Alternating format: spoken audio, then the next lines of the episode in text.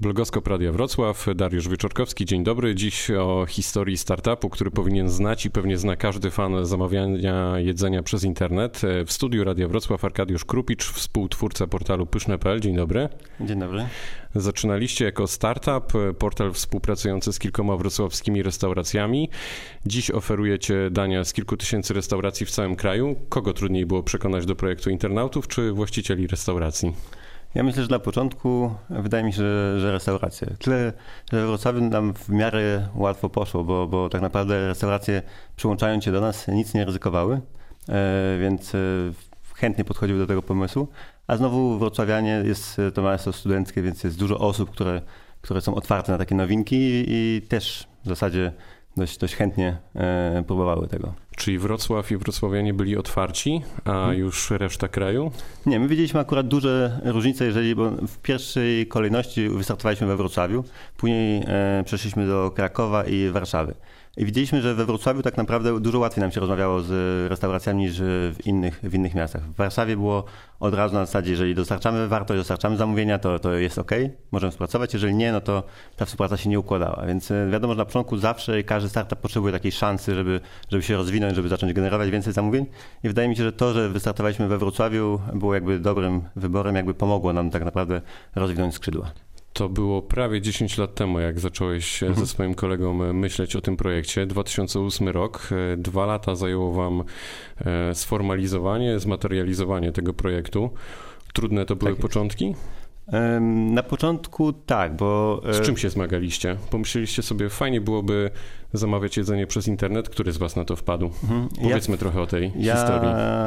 Razem z Piotrkiem Czajkowskim e, byliśmy na praktykach w Karlsruhe w Siemensie i tam, w Niemczech. W Niemczech, tak jest. I tam pewnego wieczoru zauważyłem taką stronę, e, sam szukałem e, pizzy do zamówienia, zauważyłem taką stronę, na której można było faktycznie zamówić online. Ja sam mam jakby wykształcenie też e, informatyczne, więc zacząłem się interesować. Zamówiłem, na początku nie wiedziałem, czy to przyjdzie, czy nie przyjdzie.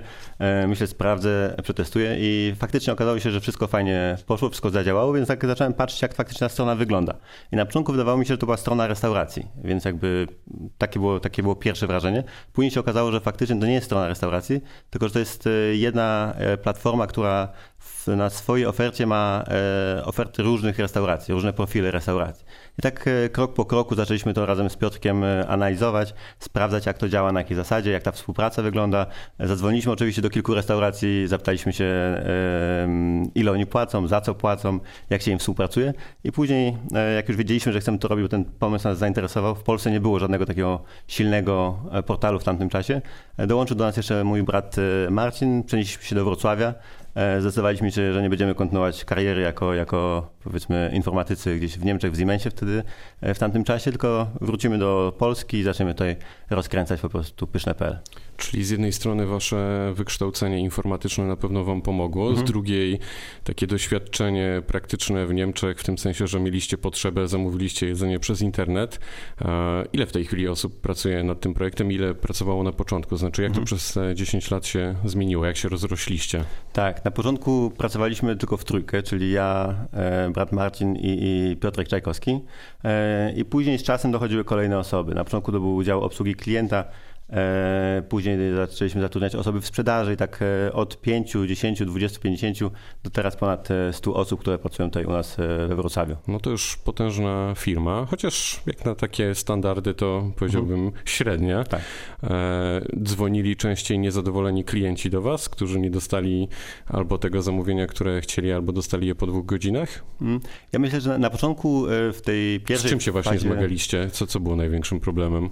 Ja myślę, że przekonanie takiej większej ilości restauracji, zapewnienie tego jakby przekonania do tego, żeby oni chcieli z nami e, współpracować. Na początku oni, niektóre restauracje oczywiście podchodziły e, optymistycznie do tego, szczególnie jak były zlokalizowane gdzieś poza centrum, więc one jakby były skazane na zamówienia z dowozem.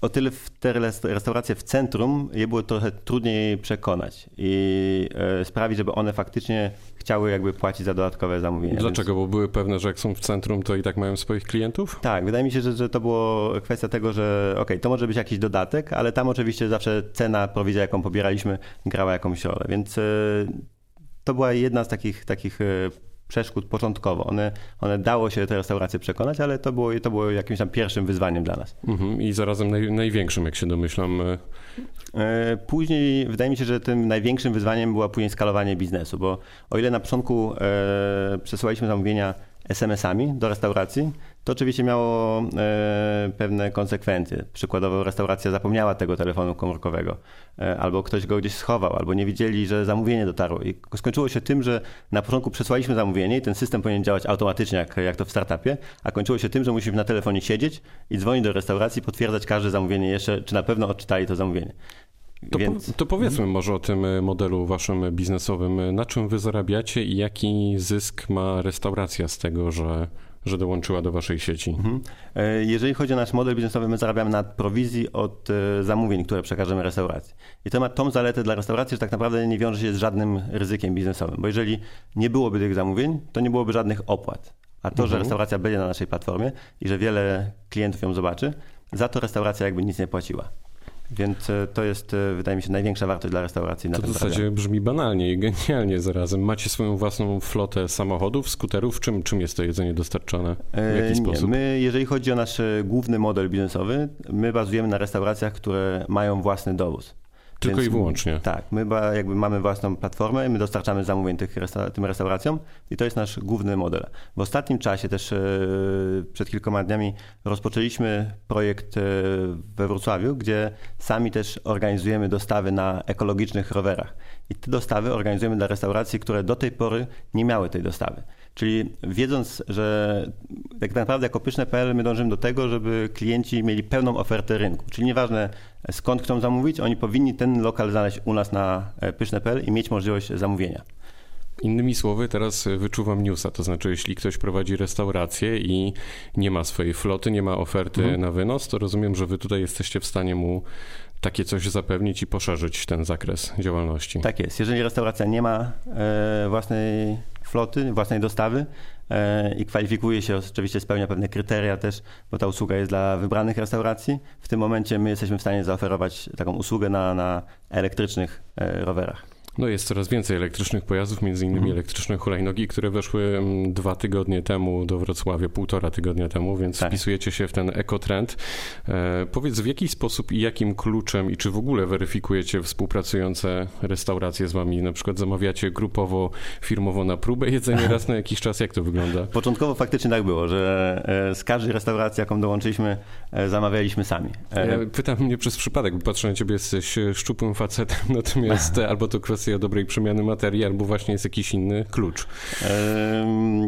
To jest tak naprawdę, jeżeli chodzi o samą weryfikację tych restauracji, każda restauracja ma swoich fanów. I to często zdarza się tak, że ktoś zamawia z tej restauracji i da ocenę 3 na 5 gwiazdek, a mimo to nadal e, zamawia z tej restauracji. Więc e, my sami jakby nie weryfikujemy tych restauracji wcześniej, patrzymy faktycznie, czy klienci, którzy e, po dodaniu restauracji, czy klienci chcą z niej zamawiać. Jeżeli tak jest, to znaczy, że ta restauracja powinna się u nas znaleźć. Tak naprawdę musimy wziąć pod uwagę, że e, każdy, nawet mieszkający gdzieś poza centrum, czy w małej miejscowości, on ma tą ulubioną restaurację. Jeżeli tej restauracji u nas nie będzie, to tak naprawdę pyszne.pl nie będzie dla niego rozwiązaniem, bo on dalej będzie zamawiał u niej przez telefon. Więc dla nas jest bardzo ważne, żeby mieć tą pełną ofertę i żeby każdy znalazł to, czego szuka na naszej platformie. Czyli ufacie internautom. Tak jest. A co jeśli na przykład konkurencja tutaj chciałaby podszczypywać i na przykład się podszczypuje? Macie takie sygnały, że z jednej strony ludzie zamawiają chętnie, a z drugiej te oceny tej konkretnej knajpy są no nie najwyższe, mówiąc eufemistycznie? E, na początku było to większym problemem. To był też ten czas, kiedy na różnych stronach ten taki jakby trend negatywnych opinii, on był dość Hejt. powszechny. Polacy są dobrzy w hejcie, o tym już mówiliśmy w blogoskopie. E, tak, tylko że u nas e, przy tak dużej ilości ocen, jaka jest na platformie pyszne.pl, te negatywne opinie się gubią, więc jeżeli restauracja ma 500, 1000 e, opinii, ma 5 negatywnych, to klienci są, potrafię, są w stanie wyciągnąć wnioski z tego i ocenić prawidłową restaurację. Brzmi nieźle. A co w takim razie, jeśli teraz na przykład po naszym spotkaniu w studiu zamówimy pizzę na próbę, mhm. ona przyjedzie na przykład po dwóch godzinach, niekoniecznie taka, jaką byśmy chcieli, bo ktoś się pomylił tam na kuchni. Kto mhm. odpowiada? Odpowiada pyszny.pl czy właściciel restauracji? Jak to jest? W pierwszej kolejności... Bo czytałem mhm. opinie internautów i bardzo często ten zarzut jest podnoszony i nawet nie chodzi tylko konkretnie o wasz serwis, tylko w ogóle o tego typu serwisy świadczące usługi. Mhm. Jeżeli e, coś pójdzie nie tak z zamówieniem, w tym momencie klient ma kontakt do restauracji. I teraz restauracje, ponieważ one są dodatkowo oceniane, czego nie ma w przypadku zamówień telefonicznych, im też zależy na tym, żeby ta opinia była faktycznie pozytywna, bo to wpływa na ilość ich zamówień to, jakie ma opinie, opinie dana restauracja, wpływa też na pozycję na e, naszej liście restauracji. Więc w pierwszej kolejności klient kontaktuje się z restauracją. Jeżeli tego problemu nie uda się rozwiązać z jakiejś e, przyczyny, wtedy ma też możliwość skontaktowania się z nami. My zawsze staramy się też jakby pełnić rolę mediatora, popatrzeć jak, e, jak wygląda ta sytuacja i zawsze ewentualnie e, dać klientowi jakiś kod po to, żeby był zadowolony i żeby nadal korzystał Następnym z razem. Dokładnie. To mhm. jest duża skala, to o czym mówimy, o tym zjawisku? Dużo restauracji odpada w tak zwanym międzyczasie? E, nie, mówimy tutaj o zjawisku jakby rotacji, czy jakby wykluczenia z platformy wykluczenia, poprzez... Wykluczenia. Wykluczenia. Jeżeli chodzi o wykluczenie, to zdarzały się takie sytuacje, a są pojedyncze sytuacje. My tak naprawdę w tym pierwszym półroczu tego roku wygenerowaliśmy 5,2 miliona e, zamówień, więc w, ta, przy takiej skali zawsze będą jakieś zamówienia, które pójdą nie tak. I to nie zawsze ze złej woli restauracji, po prostu to są takie zdarzenia losowe. Przykładowo spadnie deszcz, korki się pojawią. Przyczyny obiektywne to zawsze Dokładnie. brzmi ładnie. E, co Polacy najchętniej zamawiają na wynos? E, tutaj e, od kilku lat nieprzerwanie króluje kuchnia włoska. E, kuchnia polska i azjatycka. We Wrocławiu widzimy też mocny trend do takiego street foodu, czyli wiele konceptów, które gdzieś tam zaczęły się w food trucku, tak jak na przykład Pasibus, który niedawno do nas dołączył. One tworzą później e, własne restauracje i one mają bardzo duże, duże, duże wzięcie wśród naszych użytkowników. Czyli Polacy, wrocławianie lubią jedzenie włoskie, to już wiemy, mhm. a reszta Polski jakoś macie takie dane, które by na przykład pokazały geograficznie, że krakowianie lubią to, Warszawa lubi to, a mhm. Gdańsk to? W Warszawie obserwujemy większy procent zamówień kuchni tureckiej. To też ma, e, jest jakby spowodowane tym, że istnieją tam bardzo e, duże sieci oferujące tą, tą, ten rodzaj kuchni, e, ale tak naprawdę na każdym innym rynku pizza jest takim typowym daniem na dowóz i jest naj, naj, naj, najlepiej sprzedawanym daniem. Wynika to może z tego, że pizza najlepiej znosi trudy podróży, czy, czy to po prostu jest takie fascy- zafascynowanie włoską kuchnią? Magda Gessler tutaj byłaby potrzebna, mm. ale jestem jej fanem prywatnie, więc y, myślę, żeby potwierdziła ten włoski trend. Tak, ja myślę, że, że z jednej strony jest to oczywiście e, to, że każdy od czasu do czasu lubi zjeść tą pizzę i to jest coś takiego, co się bardzo dobrze nadaje na dowóz. Ale mamy na przykład też sushi, które, które też dobrze się sprzedaje, a które już na przykład może wytrzymać nieco, nieco dłużej e, w dostawie, no bo oczywiście jest serwowana na, na, na chłodno. Więc wydaje mi się, że bardziej takie, takie przeświadczenie, że okej, okay, mm, jest ta kuchnia włoska, wieczorami e, lubimy zamówić pizzę. Wiemy, widzimy też zróżnicowanie, jeżeli chodzi o godziny zamówień. Jeżeli to powiedz chodzi... o tym, bo to jest też bardzo ciekawe. Czy, czy na przykład w pracy zamawiamy coś konkretnego, później w domu, w weekendy coś innego? Jak to wygląda? Mhm. Jeżeli chodzi o godziny, to w tygodniu widzimy, że te dania obiadowe takie lunchowe, one są właśnie zamawiane w, tym, w tych godzinach e, obiadowych, lunchowych. Wieczorem częściej zamawiamy pizzę czy, czy sushi. I to faktycznie obserwujemy u nas. No to mamy nasz e, obraz e, dzięki Wam. Prawie 10 lat we Wrocławiu, mimo, można śmiało to powiedzieć, ogromnego sukcesu w skali kraju. Nie kusiło Was, żeby przenieść się z siedzibą na przykład do Warszawy? Nie, nie widzimy jakby powodu, żeby się przynosić. Wydaje mi się, że wszystko, co potrzebujemy jest tutaj we Wrocławiu. Tutaj mamy jakby nasz zespół, który zbudowaliśmy, jakby tutaj też zamierzamy zostać.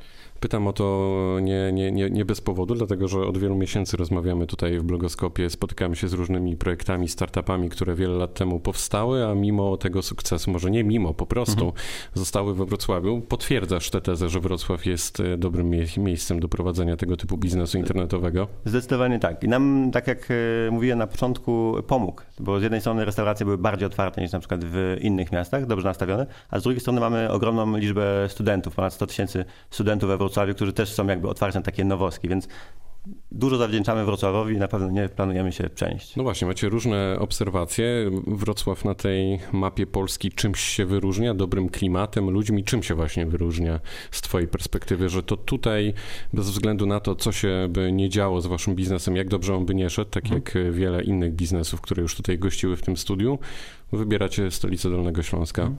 Ja myślę, że e, Wrocław wyróżnia się otwartością i to widzimy też na porynku gastronomicznym, bo jeżeli chodzi o e, Warszawę czy, czy Kraków, e, tam takie koncepty jak sprawdzają się po prostu inne koncepty. U nas ten street food, który zaporządkował, gdzie mamy na przykład po zapasie busy, mamy też 8 misek, czy mamy też shrimp house. Jest kilka fajnych konceptów we Wrocławiu, które tak naprawdę zaczęły się w food trucku, powstały fajne restauracje. Ludzie są otwarte na tego typu, jest, ten rynek jest chłonny i lubi tego typu e, nowe koncepty. W innych na przykład e, rynkach, jak e, Warszawa czy Kraków, też, ale w, mniejszej, w mniejszym stopniu. We Wrocławiu na przykład ten taki fine dining nie jest czymś, co, co bardzo dobrze się sprawdza, a przykładowo... Rozwiń to pojęcie może tutaj dla naszych słuchaczy, bo to jest w zasadzie coś, co, co dopiero na tym rynku się pojawiło. Tak, tutaj mówimy o takiej kuchni e, jakby premium, która jakby też ma takie pewne walory artystyczne. Cechuje się oczywiście też odpowiednio wyższą ceną. Czyli chodzi o to, że mamy większą świadomość jako konsumenci po prostu, tak? Jesteśmy też w stanie więcej zapłacić po to, by zjeść coś lepszego. Mhm. Znaczy tak, tutaj jeżeli mówimy o Wrocławiu, to ten e, fine dining, on nie rozwinął się tak jak w innych miastach. Widzimy, tak, że Wrocław e, z tego co obserwujemy ceni E, fajny koncept, oryginalny koncept, co, co potwierdzają właśnie futraki, które się rozwinęły i też teraz jakby tworzą sieci ogólnopolskie. E, jednak też patrzymy na rozsądną cenę, czyli to wszystko jakby musi ze sobą e, grać. Nie lubimy takiego jakby zadęcia, że płacimy, powiedzmy, przepłacamy za coś. Mamy dużo fajnych konceptów, z których możemy korzystać, mamy dużo fajnych miejsc, jak na przykład na e, dzielnica Czterech Świątyń, gdzie jest dużo fajnych miejscówek i to wydaje mi się, że wyróżnia właśnie Wrocław, taką jakby podsumowując jedną są taka otwartość i, i, ciekawość, ale bez takiego jakby zadęcia, czyli, czyli musimy popatrzeć też na, na, na, na cenę i, i jakość powiedział Arkadiusz Krupicz, współtwórca Pyszne.pl. Bardzo dziękuję za spotkanie. Dziękuję. To był blogoskop Darek Wyczorkowski. Do usłyszenia za tydzień.